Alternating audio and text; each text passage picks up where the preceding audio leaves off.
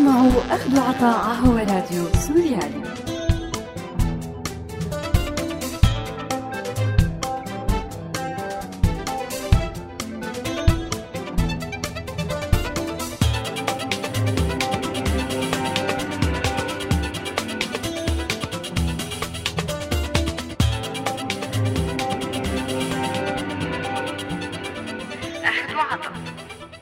أعزائي المستمعين أهلا وسهلا فيكم. برحب فيكم أنا مايا بحلقة جديدة من برنامج أخذ وعطا. وبذكركم أنه هذا البرنامج بالتعاون مع مبادرة كلنا مواطنين. بس نقرأ كتاب أو نستخدم مادة أو أداة وبس نسمع موسيقى أو شعر فورا بيتبادر لذهننا سؤال. مين الكاتب، المخترع، العازف والشاعر اللي كانوا ورا الشي اللي أثر بمشاعرنا وبفكرنا أو ثار فضولنا وحاجتنا؟ ومنكون بدون ما نحس عم نثبت حق من الحقوق المرتبطة بالإنسان وبدون ما نلفظ المصطلح منكون عم نحكي عن الملكية الفكرية.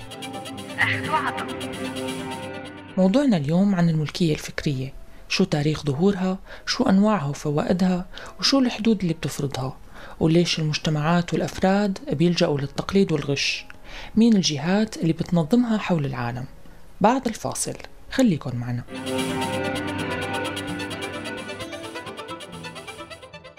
أهلا وسهلا فيكم من جديد.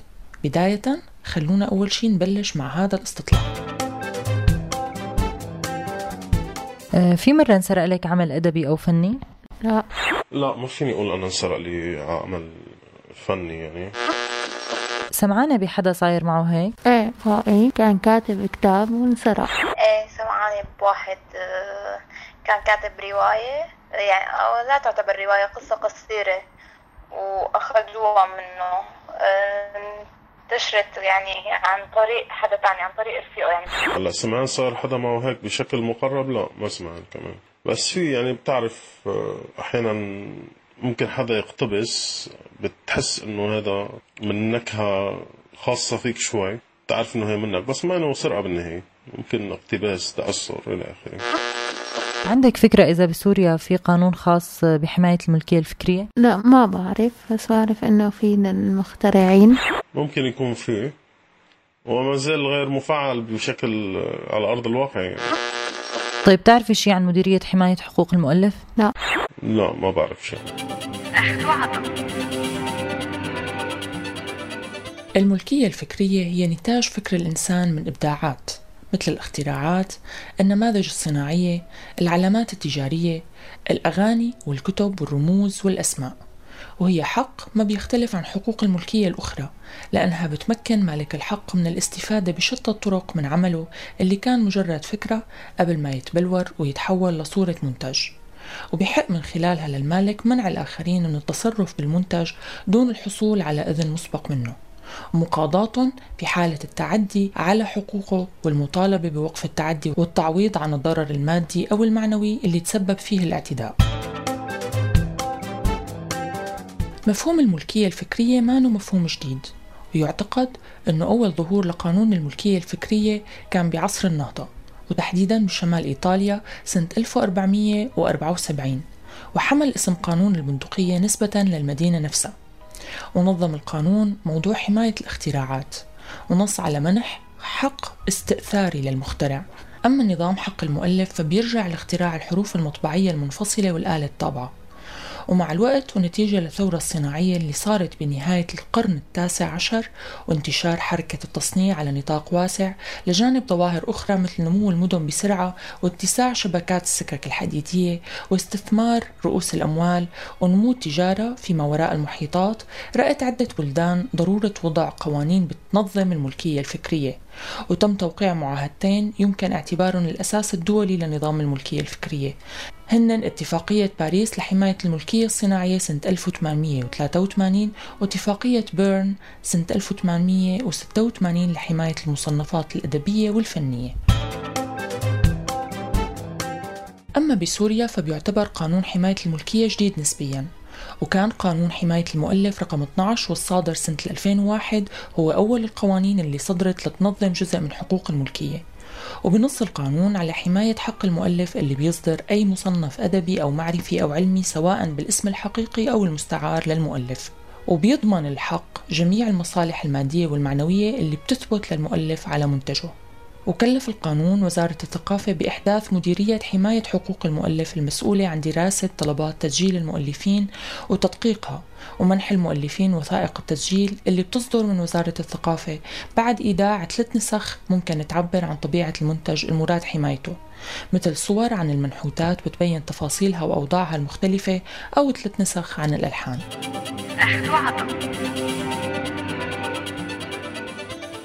ونص القانون على عقوبة حبس من ثلاثة شهور لسنتين على المعتدي على حقوق المؤلف بالسرقة أو نسب الحق والاستغلال التجاري للمنتج دون الرجوع للمؤلف أو ورثته ومع تضاعف العقوبة بحالة تكرار. كما صدر بسوريا سنة 2007 القانون رقم 8 المتعلق بحماية العلامات الفارقة والمؤشرات الجغرافية والرسوم والنماذج الصناعية وغيره من القوانين المرتبطة بموضوع حماية الملكية مثل القانون رقم 7 لعام 2008 الخاص بالمنافسة وعدم الاحتكار وقانون العمل رقم 17 للعام 2010 وغيره من القوانين ذات الصلة بالموضوع. فاصل وراجعين. بتعرفي شيء عن حقوق الملكية وأنواعها؟ لا سمعاني فيها. يعني شوي مو كتير. بعرف يعني إنه حقوق مثلا فكرية أدبية آه، إذا براءة اختراع يعني إذا حتخترع شيء إذا آه، عملتي شيء إيه، فهدول الشغلات اللي بعرفهم. وإنه كل شيء بتوثقي إنه أنت عملتي بتعملي إثبات فبيكون لك حق حق ملكية فيه. ما كثير بعرف عن حقوق الملكية يعني بشكل تفصيلي. بعرف إنه في إذا كان في حقوق ملكية سواء كانت آه، فكرية أو غيرها آه، في ملاحقة قضائية إلى حد ما. شو أنواعها؟ بظن آه، ما كثير بعرف عن الموضوع ملكية فكرية ملكية إلى علاقة ببراءة الاختراع. بظن يعني هذا اللي بعرفه أكثر شيء. سمعانا شيء بالمنظمة العالمية لحقوق الملكية؟ لا. لا بس حتما في منظمة مسؤولة عن الموضوع. عندك فكرة إذا سوريا ممكن تكون عضو بهيك منظمة؟ ما بظن. ما بعرف لا إذا سوريا عضو فيها أو لا بس يمكن عضو تكون عضو فيها. وهالشيء ما بيعني شيء يعني. آه، مثل ما سوريا ممكن تكون عضو بالأمم المتحدة وهالشيء بستيل ما بيعني شيء.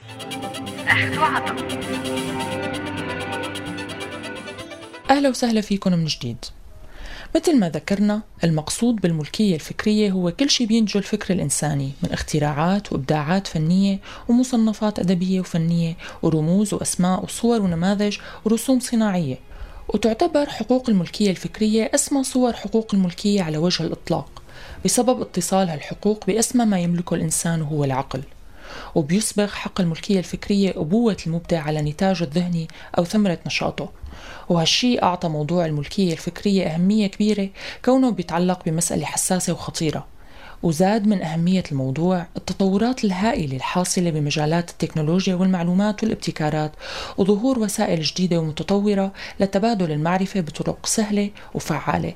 نتيجة الدور اللي بيلعبه موضوع الإبداع بتنشيط الاقتصاد العالمي والموارد المالية اللي بيحققها للدول. كل هالشي خلى الاهتمام بحقوق الملكية الفكرية يتحول لضرورة وطنية ملحة بظل التطور التكنولوجي وبوقت أصبح تهديد قوة الدولة بيتحدد بمقدار ما بتملكه من الحقوق الفكرية اللي بنفس الوقت بيوضح التفاوت الشديد بدرجة الإنتاج وجودته ومستوى الدخل القومي وحتى مستوى معيشة الفرد. مما دفع الدول بكافة أنحاء العالم لسن القوانين المنظمة له الحقوق ومع الوقت صارت فرع من فروع القانون الدولي. وبتنقسم الملكية الفكرية لفئتين. هن الملكية الفكرية الصناعية اللي بتتعلق بالإبداع بمجال الصناعة والتجارة وبتخول صاحبها سلطة مباشرة على ابتكاره بتسمح ينشره ويعرف الناس عليه مثل الاختراعات والعلامات التجارية والرسوم والنماذج الصناعية والبيانات الجغرافية. أما الملكية الفكرية والأدبية فبتشمل كل عمل بالمجال الأدبي والعلمي والفني شو ما كانت الطريقة أو شكل التعبير عنه وبيعتبر ملك لمؤلفه.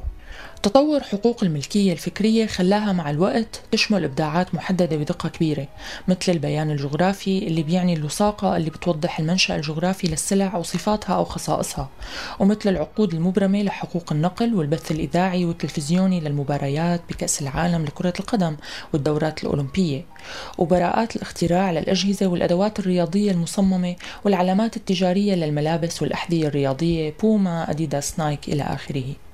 لكن الحماية ما بتتحقق إلا بعد توفر شرط موضوعي هو عنصر الابتكار والإبداع اللي بيتطلب من المبدع إضفاء لمسته الشخصية على المنتج المطلوب حمايته.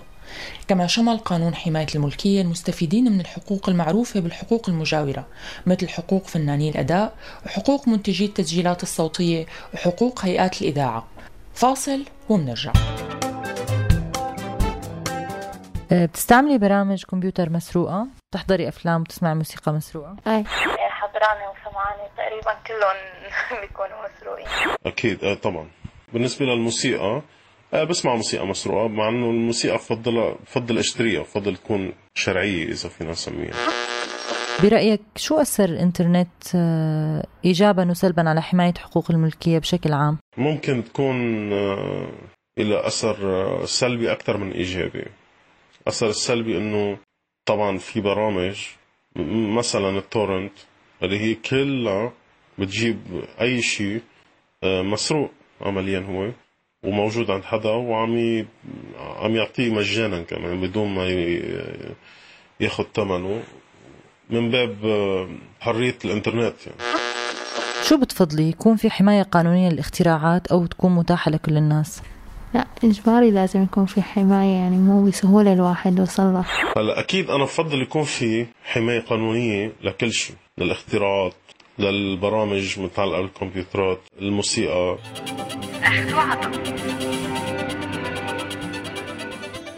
عدد كبير من الدول النامية سنت قوانين بتتعلق بحقوق النشر والتأليف بس ما قدرت تثبت كفاءتها بتشجيع نمو الصناعات المحمية أو المؤلفات العلمية والاختراعات الخاصة فيها. وبيتأكد هذا الشيء وقت بنعرف أنه عدد الباحثين العرب على المستوى العالمي بيمثل بس 1.8% من الباحثين حول العالم. ومجموع المخصصات المالية للبحث العلمي فيها ما بيتجاوز 0.4% من المخصصات المرصودة للبحث العلمي بالعالم. هالشي حول معظم الدول النامية وخاصة الصغيرة منها بغالبيتها لدول مستوردة للمواد المحمية بحقوق النشر والتأليف. الشيء اللي بيفرض عليها تكاليف مادية كبيرة بحال تطبيق العقوبات على خرق قانون الحماية. وبالتالي المستفيدين من هالشي هن الأفراد أو الجهات اللي بتتمتع بحقوق النشر والتأليف. وبالرغم من المرونة اللي عطتها اتفاقية بيرن اللي بتسمح باستنساخ المعلومات للاستعمال الشخصي والتعليم وتعرف هي الأحكام بأحكام الاستخدام المنصف أو التعامل المنصف لكن عموما هي الإجراءات ما كانت كافية لتلبية حاجات الدول النامية خاصة بمجال التعليم.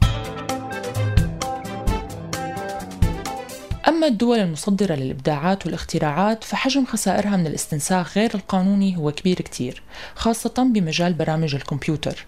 وبعد انتشار الإنترنت اللي بتوفر وسيلة سهلة ورخيصة للحصول على المعرفة خاصة بعد ما ثبت أنه تطبيق قواعد حقوق النشر والتأليف على الإنترنت بيمثل مشكلة صعبة ممكن أنه تقيد حقوق الاستخدام المنصف. تم نصح الجهات والأفراد المنتجين لبرامج الحاسب الآلي لمراجعة سياسة تسعير منتجاتهم لتخفيض عملية الاستنساخ غير المصرح فيه وتسهيل الحصول عبر الإنترنت على منتجاتهم بالدول النامية لتحقيق أهدافها بالتعليم وتطوير المعرفة وبالمقابل بيترتب على الدول المانية أنه تتبنى تدابير مشجعة للمنافسة بموجب قوانين حقوق النشر والتأليف. منظمات كبيرة حول العالم بتتصدى لموضوع حماية الملكية مثل المنظمة العالمية لحماية حقوق الملكية ويبو ومثل الاتحاد العربي لحماية حقوق الملكية وغيرها من المنظمات الهادفة لقوننة حقوق الملكية حول العالم وحفظ حقوق الأفراد والجهات. ولكن مننهي حلقتنا بتساؤل كبير حول الأهداف المتعلقة بفرض قوانين حماية الملكية والسر وراء احتكار المعرفة ومنع توفر بيئة صالحة للإبداع بشكل عادل ومتساوي بين المجتمعات. وشو مدى ارتباط هذا الشيء بتوسع الفجوة بين حالة الاستهلاك وحالة الإبداع والتراكم الذاتي عند الشعوب المستهلكة لإبداعات العقل البشري؟ بنهاية حلقتنا أصدقائي أنا بودعكم على أمل التقي فيكم بحلقة جديدة من أخذ وعطاء لا تنسوا تتابعونا على موقعنا سوريالي dot com وارشيفنا دائما بتلاقوه على ال SoundCloud وولفوا علينا FM من هون للأسبوع القادم كونوا بخير.